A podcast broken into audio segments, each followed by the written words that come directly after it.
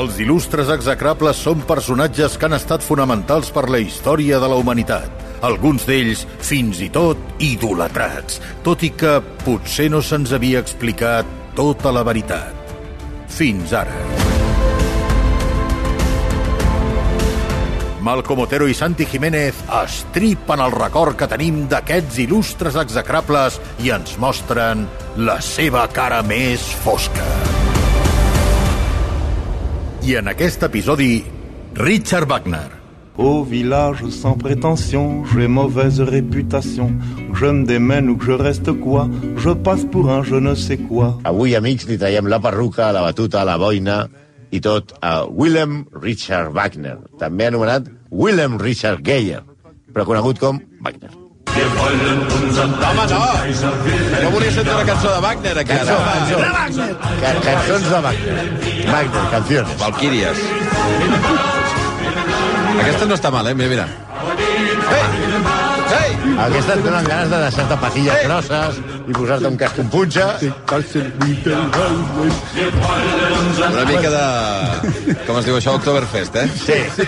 Aquí, amb cerveses, així, amb un llevant. Això, això és pel, pel Kaiser, una, una cançó pel, cancer, pel Kaiser Guillem, però sembla això... Un... Ah, és, en sèrio és una cançó sí, per... sí, sí. Ah, vale, vale. Però, sem, però sembla això d'un de juerga, no? Home, i tant. Sí, sí, Home, sembla que càntic el, de, el Kaiser Guillem càntic de un futbol. tio molt de juerga. Mm -hmm. Bueno, a veure, A més, amb aquells bigotis, no sé, de, de, Oi, de, sí. de cervesa. Tot sí. Molt viking, tot, No. eh? Parlarem dels vikings. Ah, sí? Bueno, dels, sí, sí, dels... no, no, Ah, bueno, sí, clar, clar. no, posarem, no posarem cançons de Wagner perquè, Ni una, com, eh? com No. fa Ni una, la eh? ràdio pública d'Israel, està prohibit. Ah, sí? Ah, és a clar. l'Israel no es pot punxar Wagner? A la, No. a la ràdio pública, no sé si les privades. Home, sí, ja, veure, ja veurem per què. Va, per on comencem? Aviam, Wilhelm, Guillem, no és Richard, és Willem. Ah, hosti. neix a Leipzig, que encara no era Leipzig. Alemanya. Leipzig. Leipzig. Leipzig, No penso- Leipzig vol dir eh, lloc de porcs, segurament, en alemany. Leipzig. Leipzig. Leipzig. Leipzig. A l'equip que eliminarà el Manchester City. Excel·lent. Que encara no era Ja, Alemanya. aleshores ja sabem el que passarà al final. Què? Guanyarà No, la- No, guanyarà. no, prou, prou, no vull saber-ho res, deixeu-me. Bueno, això... No sé res de futbol ni de Leipzig- res. Leipzig encara no era Alemanya. Leipzig. Leipzig. Que no penso dir-ho d'aquesta manera, jo Va. dic, diré Leipzig. Vinga, va. Bueno, encara... O sea, apareces de la morena diciendo el Leipzig. El Leipzig. Va. Eh, ja, com que No era Alemanya, nosaltres... Va, no era Alemanya perquè encara faltaven 50 anys perquè existís Alemanya. Ja. No Alemanya no havia s'havia creat. Si Eh? Wagner no era alemany. Bueno, si era alemany perquè es deien... Era, o sigui, es deien Germànic. Germànic. Germànic, no eren els països alemanys, tal, però no era Alemanya com a tal, no existia. Vale. Ell va néixer fa més de dos I segles. seria de la RDA. És que no pensarem res, la veritat. Sí. Va néixer fa més de dos segles, eh, el 1813. Era el novè fill d'un policia que va morir de tifus. Podem canviar la música? M'està atabalant molt, eh? Pots posar una altra? Sí, home, posa, posa Mozart. Una mica de música d'ascensor. Música d'ascensor. El, el pare va morir de tifus quan tenia sis, quan tenia sis mesos. Quan Un tenia sis policia mesos, tenint nou fills? Què, eh? No, déu-n'hi-do.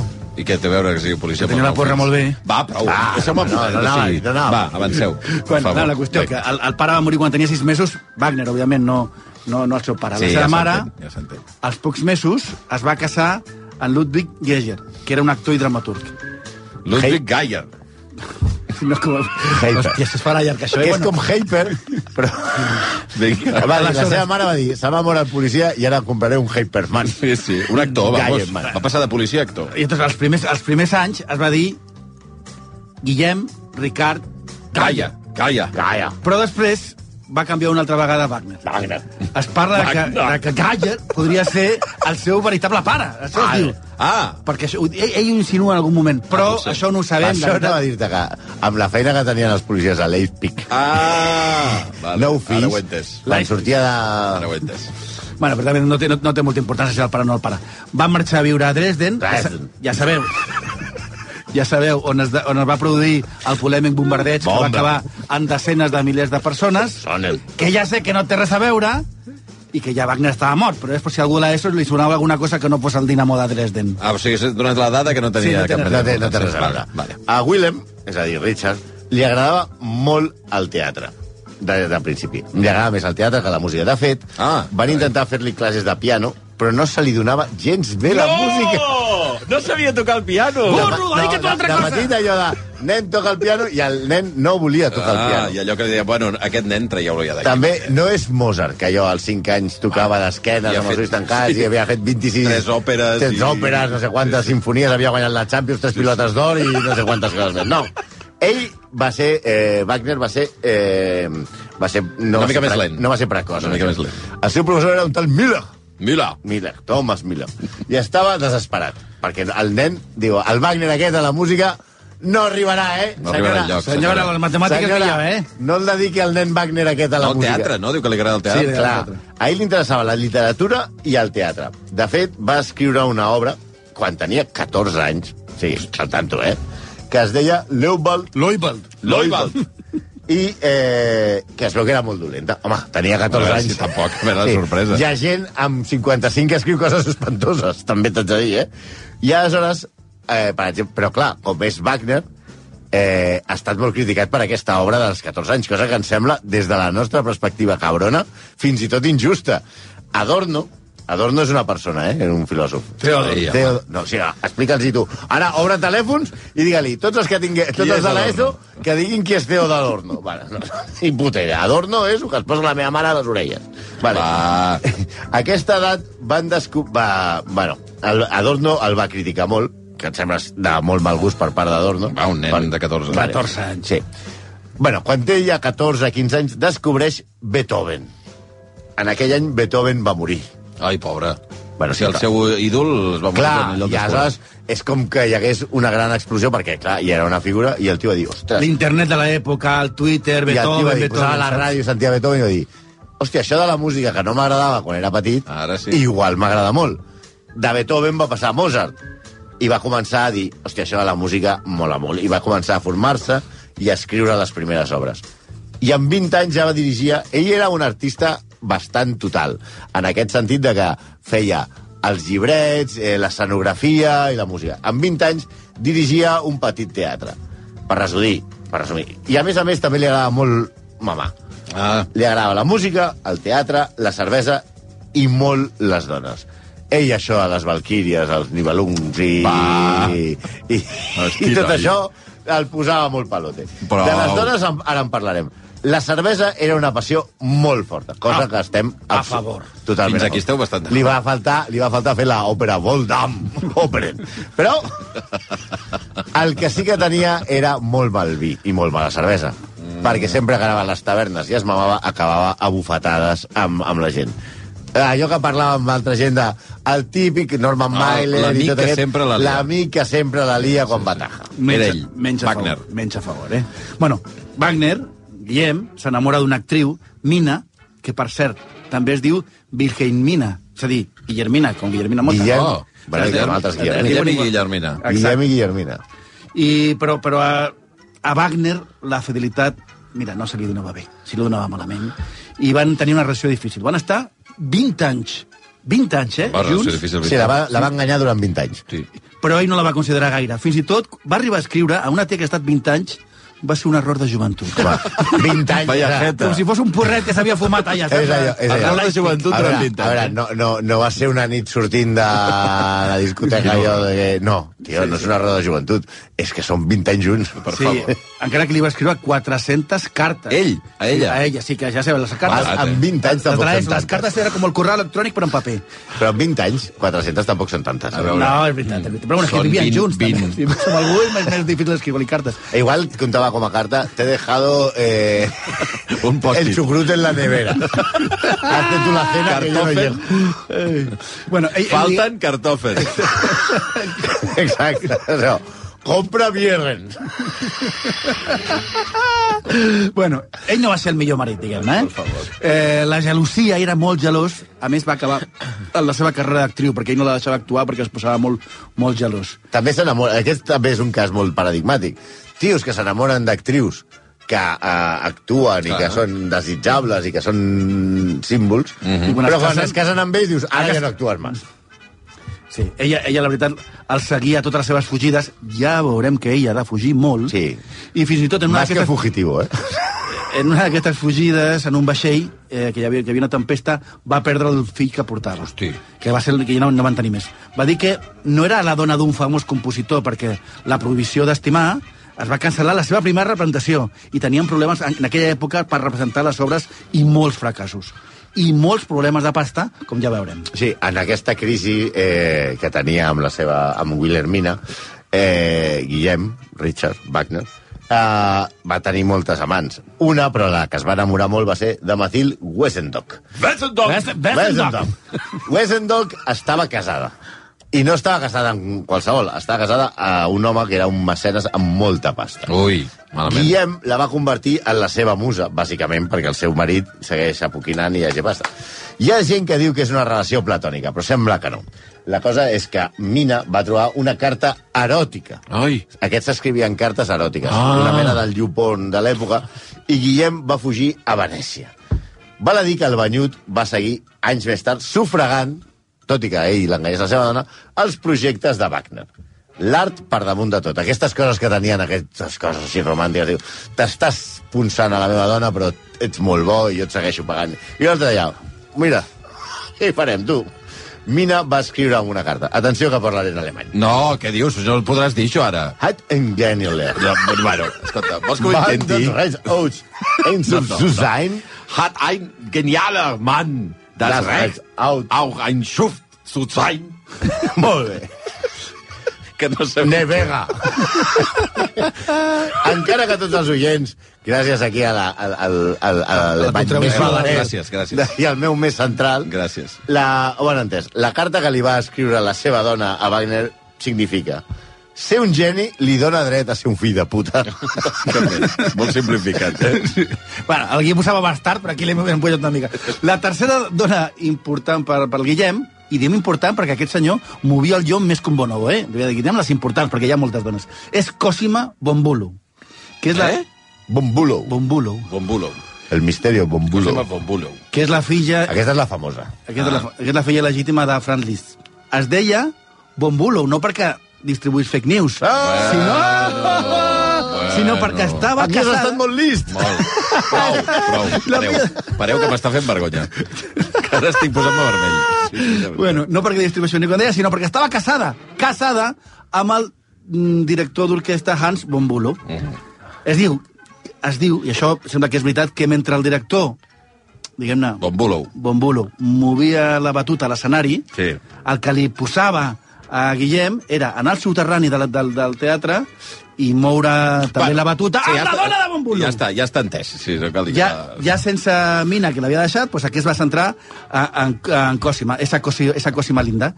I el seu amor no la Ui, què us passa avui? El seu amor no la paga. L'afer, l'afer, el, el romans, el idili, va passar quan el matrimoni Bulo i Guillem estaven convidat pel, això, eh, atenció, perquè això tindrà més, més història, el rei Ludwig II de Baviera. Bueno, Aquest com, que havien fet que estava com una campana... Ah, home. com el rei s'estrobeix, en aquest cas seria Lluís II de Baviera. La relació va ser un escàndol, però Guillem mentia el rei tota l'estona dient que només eren xerrameques, no t'ho creguis, no és veritat. O sigui, anava mentint el rei, que el anava mantenint, una cosa terrible. Hans va trigar un bastant, però anys més tard va concedir el divorci a Cosima, i Cosima va passar a ser de, de Cosima Bulo a Cosima Wagner. I s'ha de dir que Wagner, tot i tenir gairebé 60, va tenir tres criatures. El primer... La com Ortega Cano. El primer va tenir encara... Ai, no. Aquella fraseta és horrible, eh? Eh. Mi semen és de fuerza. Sí, por favor. Pues el, de, el de Wagner, No, imagina't. prou. El de Wagner també. Ciment. S'ha de dir que el primer dels tres nens el va tenir com que va trigar tant en donar el divorci quan encara aquesta dona estava Mm. casada en, en, en el senyor Fake News. I ja està, després tornarem a Cosima, que té raca. Per cert, eh, Lluís II de Baviera era el rei boig, eh? Sí. Aquell que es va fer construir Sí, una... els palaus i tal, Ui, i, i li va ui, pagar moltes coses. Ara parlarem de les coses que li va pagar...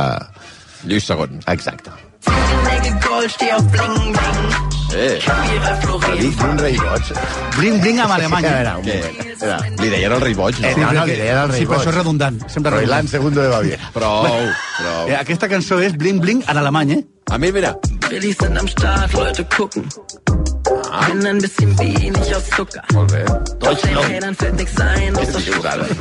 Va, És bon bulo, és un bon bulo. bon bulo, vinga. A veure, fins ara res a veure, tenim coses que no són massa a dolentes. veure, molt faldiller, però hi ha hagut molts, i cal entendre com era Wagner. Li agradava, però és que a Wagner li agradava molt el luxe. Però molt. Molt, molt. I no pagar-lo. Això, això està molt bé. Exacte. Que t'agradi, però que el pagui un altre. Exacte. Ahà. Entre altres coses, a Franks Liszt. Feia el Liszt i jo. He d'ajudar... Prou. I li escriu una carta a Liszt, a Liszt Sí. en el que diu... He d'ajudar... Textualment, ara, eh? Textualment, La, sí, això. la meva imaginació i trobar mitjans per estimular les meves facultats imaginatives. És a dir, bueno, així que no puc viure com un gos. No puc dormir sobre palla i beure ginebra comú. Atenció! No puc beure ginebra comú. És a dir, No traducció. alcohol, no donis. Soc el puto jefe, sóc un ésser superior i necessito luxes per poder composar en les Ah. generalitats que jo composo. Clar, eh, què va comportar això? Doncs, pues, evidentment, que li demanava diners a tothom, que no es tornava, molts deutes. I això què passava? Que havia, com no tornava els diners, havia de sortir corrents dels jocs. Per Vaja. exemple, a, a Riga va haver de sortir fugint dels creditors amb Wilhelmina i, i el seu gos, això també, es va endur el gos. Veus? Ah, sí, eh? Molt bé. A París, Guillem va entrenar a Robert, que Robert era el gos, El, Robert, el gos es deia Robert. sí, i el va entrenar, atenció, perquè no només era un gran escenògraf, literat, eh, director de teatre, compositor... Sí. Era un gran ensinistrador de gossos. Si no fotis. Sí, era l'Àngel Cristo dels gossos. Era Però el Manolita sinistrar. Chen dels gossos. Però, però el van sinistrar per fer què? Per què? Perquè recollís les Qui és aquesta monedes... senyora, ara?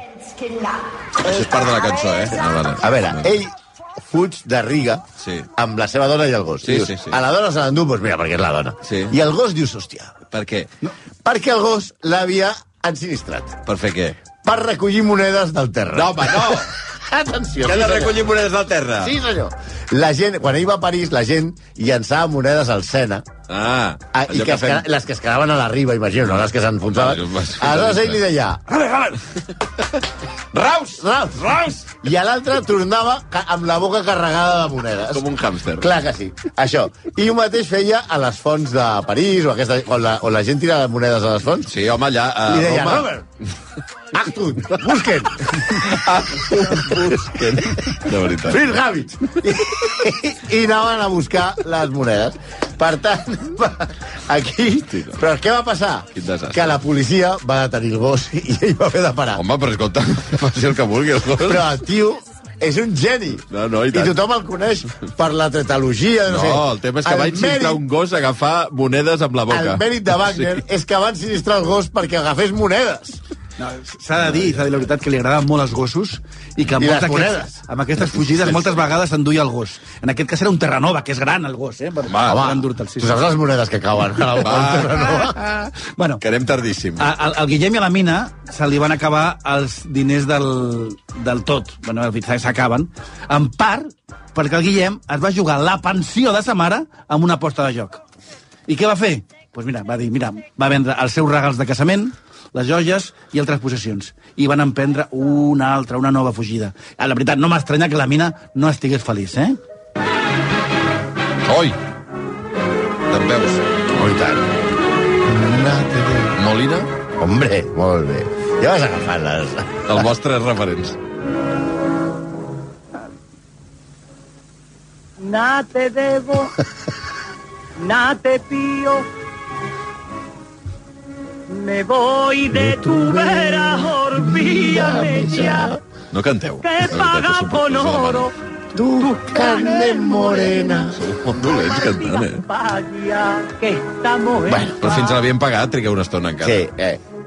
Bien pagat. Ja està. Prou. Ja està. A una altra ocasió, aquest gran Vázquez va fugir dels creditors, també una altra aventura que s'explica de, de la seva vida, a Viena, disfressat de dona. Cosa que veurem que no era massa estranya. Que no era... Que era No. més habitual del que semblava. Era una mica Wagner Divine. Vale, vale. Una Vale, mica. vale, vale. Però tot va semblar arreglar-se quan ell coneix, com hem dit abans, el rei Ludwig II de Baviera. Ah. Aquest home, que estava com un llum de ganxo, Sí. li agradava tant l'obra de Wagner que li va pagar tots els deutes I que eren molts. i el mantenia com un rei. Però els excessos i els malbarataments de Guillem eren tan alts com els de Ludwig i que van convertir en qüestió d'estat. És a dir, Aquí vivien bé Ludwig i Wagner i la resta del poble a prendre pel sac. Exacte. I tal luxe inimaginable en aquella època va acabar amb els que li van demanar que se n'anés de Múnich. Que si es quedava, quedaria Múnich com el Barça. Sí, però no, sé, no són aquests els únics motius pels quals se va haver de fugir la seva vida.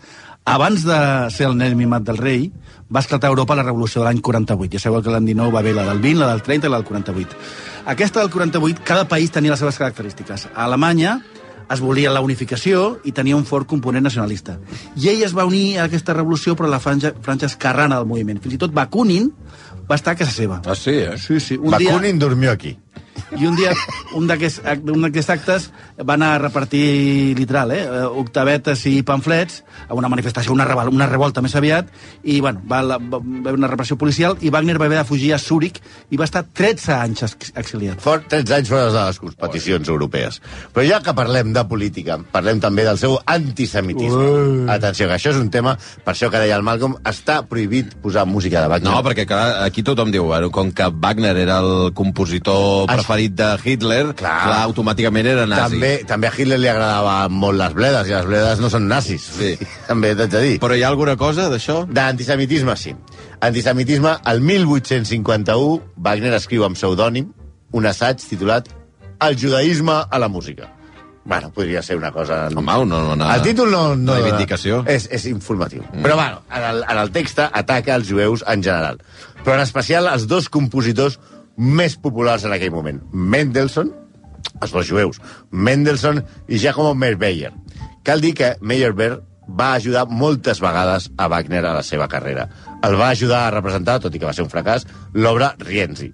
Guillem, amb una carta, li va dir en el seu a, aleshores amic compositor jueu en tota l'eternitat no podré dir a vostè res més que una paraula. Gràcies, gràcies. Com el Basté, eh? Sí. El dia de la Visca gent. la ràdio, visca la música I sempre i sempre, la i sempre Meyerbeer. Bueno, i després va acabar dient, no us fallaré. Però Guillem va canviar d'opinió i anys més tard va escriure aquest assaig amb perles com ara repugna especialment l'expressió purament sensual de la llengua jueva. Ole.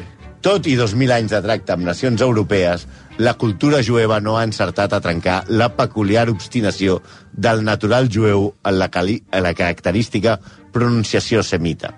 Si la manera de parlar característica fa el jueu pràcticament incapaç d'expressar-se artísticament els seus sentiments i punts de vista a través del discurs, amb més raó li ha de resultar impossible expressar-ho a través del cant. Quan un jueu canta, tot allò que ens havia resultat repugnant en la seva aparença sí. i en la seva parla ens impulsarà a sortir corrents. I això, que encara no havia sentit, a Vanibí te quiere decir te quiero amor. Això és Wagner, eh? Això és Wagner És que dient paríssim. que els, quan parlen els jueus són repugnants. Oi, oi, oi. Sí, va fer una segona edició, una, una segona versió d'aquest pamflet, ja signada amb el seu nom, eh, en el que manifestava que ell havia devingut la víctima d'un autèntic complot jueu la, contra, contra la seva persona i contra les seves noves creacions musicals. Según eh, Admund Gessner, el Gessner. judaïsme a la música... Gesna. Gessner. Gessner. Aquesta viu a Sitges, sí que la, li podem dir Gessner. El judaïsme a la, a la música, eh, el llibre aquest, va perpetuar i va dotar d'autoritat aquest estereotip antijueu europeu. O sigui, que té gran importància.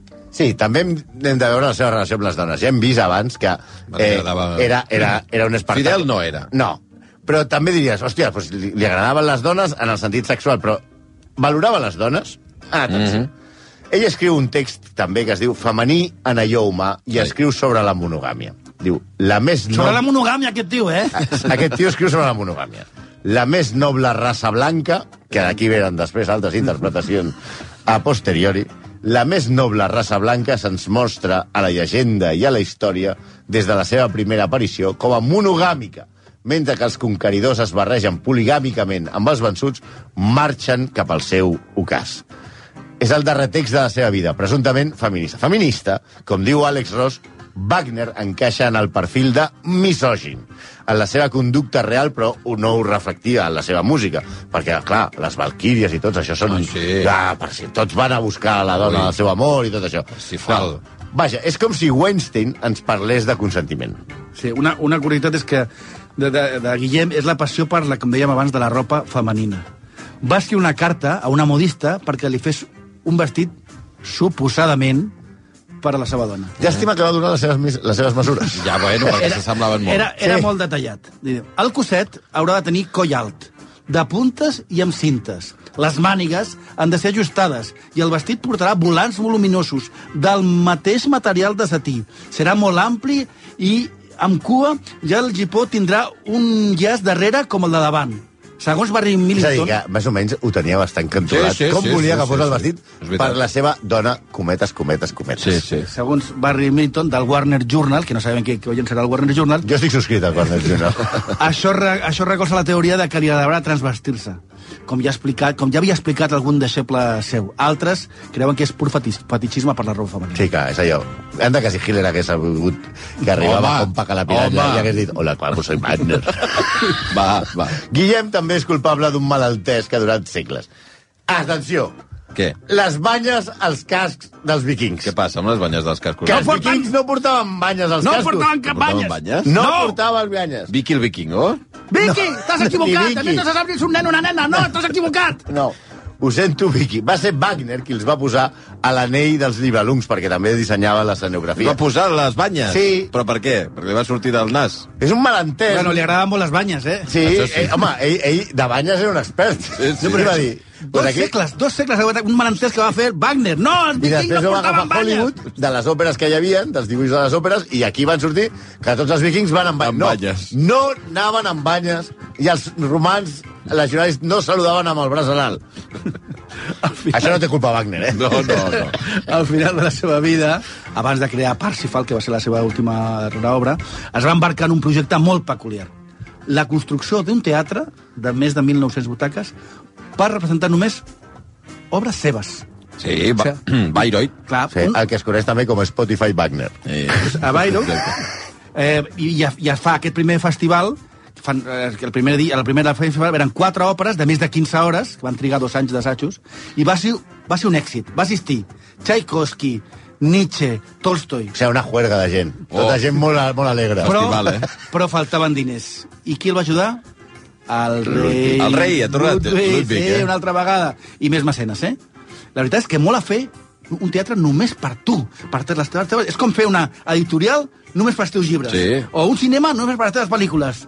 O el restaurant Mundo només per tu. Mundo Restaurant. Eh, Wagner mor, òbviament, si, si no encara estaria viu i no l'haguessin pogut fer. Sí. Mor a Venècia, que és on mor la gent Va, molt... de veritat, la Sí. gent... eh, A la seva mort- De cultura. Rep 5.000 telegrames. Sí, eh? No va contestar cap. No. Ai, és que, que això vol dir que era un tio molt famós. Necrològiques llarguíssimes, tots els diaris, el New York Times, milers de persones a ciutats alemanyes. Havia mort una veritable... Va morir com una veritable estrella popular. I aleshores van passar dues coses. Una és que la seva dona Cosima es fa amb el festival de Bayreuth Ah. i de seguida es torna un festival Com es diu? No, Bayreuth, no, com es diu? Bayreuth. Bayreuth. A Spotify Bayreuth. I tothom vol acudir. El festival de Cap Roig Bayreuth. Sí, sí. Cosima, molt freda i estricta, i radicalment també antisemita, per cert, va vigilar que les obres que es representessin tal, es fessin sempre tal com es feien en vida del seu marit. És a dir, això segueix sent un festival amb el teatre més incòmode del món. Vale. I va cedir la gestió al seu fill. Encara avui els descendents de Wagner continuen vivint del festival. I no malament, precisament. 200 anys i encara viuen del festival. Hòstia. I el de Pedralbes li van aixecar aquell pobre. La segona és que el nazisme va prendre mm, Wagner com una icona Sí. sí. nacionalsocialista. Fins i tot Hitler, en persona, va i va introduir algun canvi a la sonografia del festival. Què? Sí, ell mateix. Ell mateix? Ell mateix, sí, sí, sí. Aquestes botes no, no són... Ah, i digue-li que no a Hitler. No, també no, home, clar. Perquè Cosima es posava molt xulet amb, amb els compositors jueus. Però quan li va venir Adolf i li va dir Oye, Mm, aquesta cortina... ni fura. Home, s'ha- s'ha s'ha de... lo que quiera, Devia ser difícil dir-li que no a Hitler, eh? Sí, molt t'ho difícil, dic. era- Tenia un pronto. Sí, tenia un pronto, tenia un pronto. I encara, això de Hitler, clar, no és responsabilitat de Wagner, però és simptomàtic. Com deia Woody Allen amb, amb Misteriós Assassinat a Manhattan, escoltar Warren em, fa, em fan ganes de... Wagner. A Warren. No Warner. A Warren, a Warren Wagner. escoltar Wagner, quan, quan, quan escolto Wagner m'entren ganes de- de- d'envair de, Polònia. És veritat. Doncs aquest era Wagner, que malgrat ser antisemita, manipulador, poca vergonya, megalòman, segueix sent un geni que s'escolta a tota la ràdio del món, del món menys a la ràdio pública d'Israel per raons òbvies. Doncs avui I si Richard... no, pues que ho busqui. Richard, Richard. que Richard, no? Frank. Richard. Richard Wagner. Frank Reinhard Wagner. Gràcies, eh? Apa, adéu, adéu, adéu. adéu, adéu. Si vols veure caure més mites, no et perdis la resta de capítols d'il·lustres execrables Gran Reserva a la app de rac i a rac